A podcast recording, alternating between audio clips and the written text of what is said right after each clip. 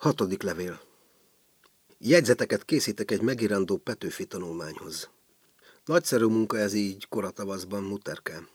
Hiszen Petőfi ugyanolyan szeszélyes ember volt, amilyen szeszélyes ez az idő. Nyersen viharzott és reménytelenül elszomorodott. Káromkodott és imádkozott majdnem egy azon pillanatban. Ugyanúgy, ahogyan most április teszi. Az előbb még ragyogott a nap, és most jégesővel veri az ablakomat. Lejegyzem a párbeszéd néhány mondatát, amely akkor hangzott el, mikor Petőfi gróf Teleki Sándorral személyesen megismerkedett. Így kezdi a költő. Ön az első eleven gróf, akivel beszélek. Hát döglöttel beszélte. Hát, az magam is voltam komédiás koromban. Valóban kedves ismerkedési forma. Ezek a pillanatok egyszerre felvillantják előttem Petőfi kamaszos szeleburtiságát, pórias vakmerőségét és magabiztos öntudatát. Szinte látom magam előtt a növendék embert, és jól esik éreznem az idő háborgását a falakon túlról. Nem tudom, mi lesz a tanulmányból, de jó kedvel készülődöm neki. Mintha egy nagy erdei tisztáson kószálnék, ismét napsüt fölöttem, szaglik az esőtől áztatott föld, és közben, ahogyan Petőfi mondja, dalod, mint a puszták harangja egyszerű, de oly tiszta is, mint a puszták harangja, melynek csengése a rónákon keresztül vándorol, s a világzaja nem zavarja. Estig dolgoztam, aztán elsiettem egy koncertre, ahol modern költők verseire komponált modern zeneszerzők műveit énekelték modern énekesek, nők és férfiak. Köztük Bazilides Mária is, akit az egyik komponista, mint az új dalok szentasszonyát üdvözölte. És zentek a dalok, az énekesek szinte lobogtak az ajándékozás örömében, és a megajándékozott hallgatóság mélységesen megilletődött a mindennapinál teljesebb és boldogabb élet érintésétől. Maga a nagy élet zengett fel a teremben. Holott milyen csodálatos, majdnem minden dal az őszről, az elmúlásról, a jó halálról szólott. Talán csak az én egyik kis versemre komponált muzsika hirdette ki így a boldogságot. Madár, ha rikoltana, ne felejj rá haraggal, kedvesem. Virág, ha nyílna, ablakod előtt, játékból se téd le, kedvesem.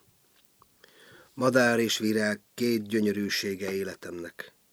Így beszélek hozzád, kedvesem, és magam értek a szóból. Te csak éj vidáman, éj, s ha aludni térsz meg, madár daloljon, és virág nyíljon álmaidban. Tetszett a hallgatóságnak. Talán megérezte benne a szerelem vérbőségét, a tavaszi erjedést, a boldog életoptimizmust, de azért úgy láttam, hogy az ősz, a fáradtság és a halál dalai még jobban tetszettek. De miért van ez így? kérdeztem magamtól. Miért, hogy az egész művészetünk ilyen halálszagú? Ez az általános korhangulat. Igen. Igen. De hol van a költő, a zenész, a festő, az alkotó ember, aki szembefordulna ezzel a halvány lila lelki ragályjal? Nincs Petőfink, mert nincs fiatalságunk. S mert békagugolásból nézzük a világot, nincsenek perspektíváink. S ami a legmegdöbbentőbb, komolyan nem is akarunk kimozdulni halál hangulataink szürke langyusi szapjából.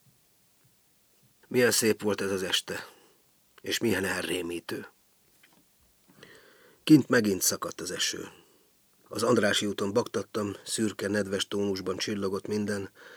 Az utcalányok, akik máskor, mint a pávát lejtenek fel alá a járdán, most reménytelenül áldogálnak a sarki kávéház talmi árkádjai között. Az egyik megszólított. Adjon egy cigarettát, kedves. Sajnos sodrottat szívok. Ide vele. Az is jó ilyen világban. Milyen világban? Meg fogunk dögleni, kedves mondja újból, és megsodorta a cigarettát, mint egy vidéki suszterinas.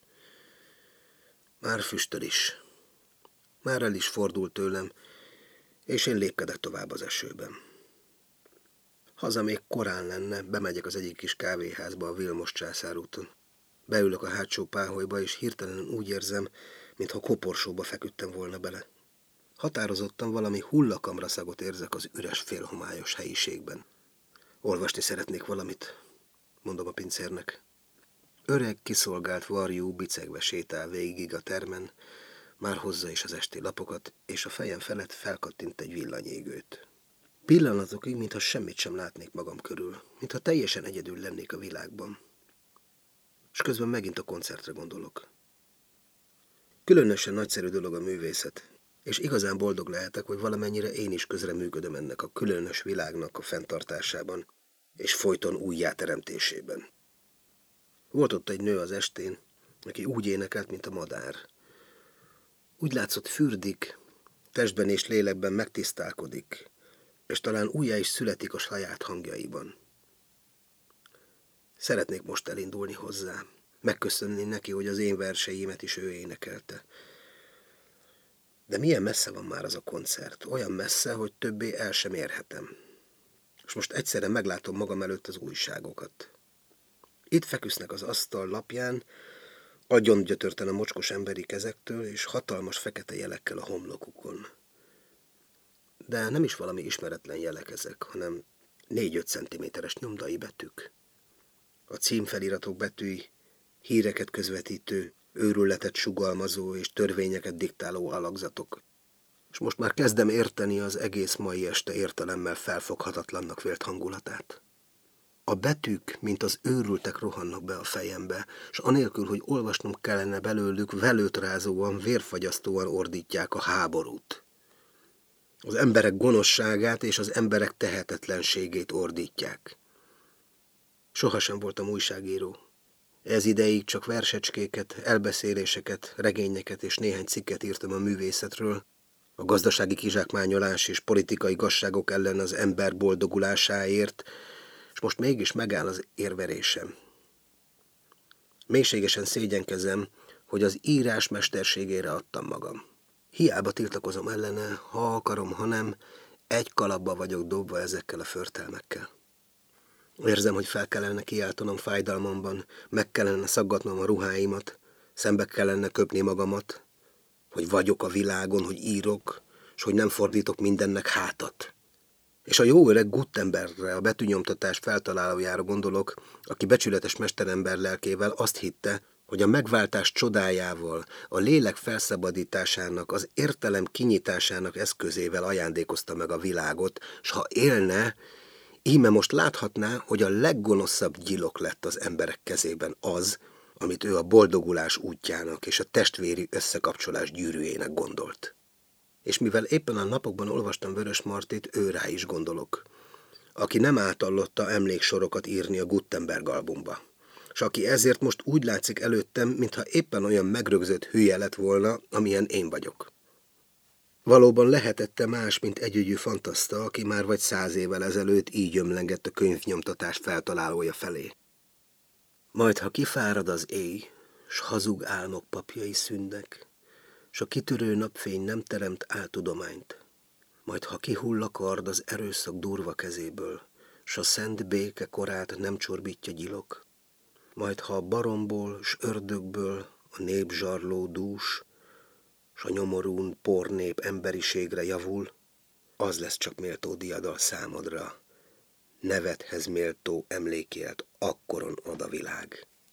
Majd, ha kihull a kard az erőszak durva kezéből, mondta a költő.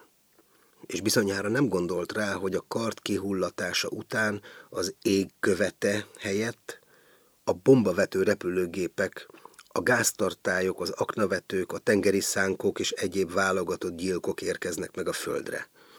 És hogy ezekről az ember ellen, ember kitalálta szörnyekről dicshimnuszokat zengnek majd az írás elárulói. És a kikulturált, precízen megbunkált nyomdabetűk mint a hullarabló sakállok és dökkesejük egyre több és több vér után ordítanak.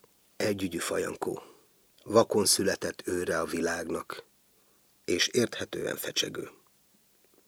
Vörös Marti és mind a többi Vörös Martik el sem tudták képzelni, hogy a 30 éves háború és a saját kis hazájuknak is csetepattai után bekövetkezhessen egy világháború, ami azóta bekövetkezett, és most ismét itt állunk a dögverem szélén. Nem kell, hogy megvárjuk Isten végítéletét. Ma vagy holnap úgy is kiirtják egymást az emberek. Az újságok már örjöngenek hónapok óta, fenyegetnek és jósolnak. Százezer és százezer testvéri élet lemészárlásáról úgy írnak, mint valami grandiózus patkányírtásról. Többé már a szavak megválogatásában sem fényeskodnak. Azt mondják, kelepcében a négus, és a halálvölgyébe szorított fekete bandákról tudósítanak bennünket, mind gyalázatosabban és mind égbe kiáltóbb gonoszsággal. De hát kikről is ordítoznak így a hatalmas nyomdabetűk? Talán nem emberekről? Nem a mi testvéreinkről? Azaz nem mi rólunk saját magunkról személy szerint? De igen, semmi kétség, hogy ebben a pillanatban az Abbeszin népről van szó. Valóságos emberekről, a jámbor kecskepásztorokról, a keresztény hívőkről, a gyümölcsligetek kertészeiről, karcsú, szép férfiakról, szűzlányokról és a teltmellő termékeny emberi anyákról egyrészt, és másrészt a klasszikus olasz föld fiairól és asszonyairól, akik Itália kégege alatt születtek meg, hogy éljenek, és most értéktelenül elhullanak a vér és az őrület poklában.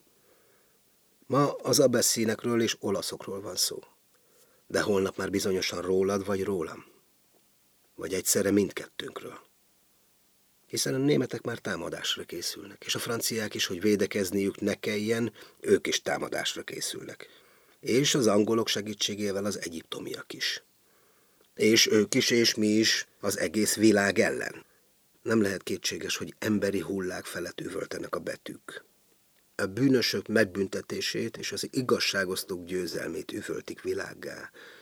És mit sem törődnek azzal, ha véletlenül a győzők, a bűnösök és a legyőzöttek azok, akik még csak győzni sem akarnak. Ki kíváncsi a valóság tiszta ábrázatára? Révület és rémület kell a világnak. Kínosztatás és önkínzás. Alkohol és morfium. Győzők és legyőzöttek kellenek. A halál kell neki. Ahogyan ma a költők is a halálról szeretnek énekelni. Az őszről és a hervadásról. Szerelmi dekadenciáról és nosztalgikus hangulatokról. Még mindig a kis homályos kávéházban ülök egyedül. Olyan egyedül, mintha csak egymagam lennék az egész világon. Úgy érzem, hogy mindaz, amit eddig csináltunk, nem ér semmit. Annyit sem jelent, mint egy hitvány kis virágszál kifagadása a ganéjos durva földből virágszál. Hogyan is juthatott ez az eszembe? Alkotó munkánk minden eredménye inkább hasonlít az undorító daganatokhoz, rákos nyavajákhoz, persenésekhez és egyéb fekélyekhez, mint a legjelentéktelenebb mezei virághoz. Ilyenek vagyunk, bizony. És így élünk. Gyerekeket nemzünk, hogy aztán felfalhassuk őket. Naponta tisztálkodunk, hogy jobb árért adhassuk el magunkat. Tanulunk, hogy rafináltabb eszközökkel és biztosabb eredménnyel gyilkolhassunk. A csataterek bombái és gázfelhői technikai és kémiai tudományunkat dicsérik, mint ahogyan a kizsákmányolás és elnyomatás tudományunkat dicséri. Az általános ostobaság pedig a költők és művészek zseniét dicséri. Olyan kicsinek és olyan hitványnak érzem magam muterkám, amilyen a legnyomorultabb féreg sem lehet. Megszülettem, és sejtem, hogy mivé kellene lennem, és semmi sem vagyok. Az őrület játékszere vagyok. A magam és az ő őrületük játékszere. El akarom lökni magamtól az újságokat, de nem tudom. Hiszen nem ilyen külső kötelékekkel vagyunk mi egymáshoz kötve. Sötét, legyőzhetetlen összefüggések gabajítanak bennünket össze. Ők írják ezeket a lapokat. És én elolvasom. Kétségtelen, hogy egyforma bűnösök vagyunk mindabban, ami velünk és körülöttünk történik. Érzem és tudom, hogy ez így van. És nem találom a kivezető utat. De igen, mégis. Az egyik ablakon át a függöny réseiben látni, hogy kint már elállt az eső. Az emberek haladnak az invlámpák fényében. Emberek is vigasztalni akarom őket. Ha mód adódik rá, beszélek majd nekik Petőfiről, és írok nekik színekkel ragyogó és ízekkel zamatos verseket, hogy kedvük legyen az élethez, és álhatatosan és bizakodással küzdeni is tudjanak érte. az életért, ami velünk azonos. S ha eldobjuk magunktól, önmagunkat is a szemétre vetettük. Sajnálom azokat, akiket letiport az idegen erőszak, és azokat is sajnálom, akik feláldozták magukat a hősi lendületben. Valamikor úgy tanultam, hogy nekünk szegény embereknek a láncainkon kívül nincs semmi vesztenivalónk. Muterkám, ma tudom, aki megbecsüli az életet, annak a reménye lehet rá, hogy egyszer a láncait is széttöri. Úgy mondják, a halál nem egyéb az élet formai alakulásánál. Lehet, hogy így van, de én mégsem akarok meghalni.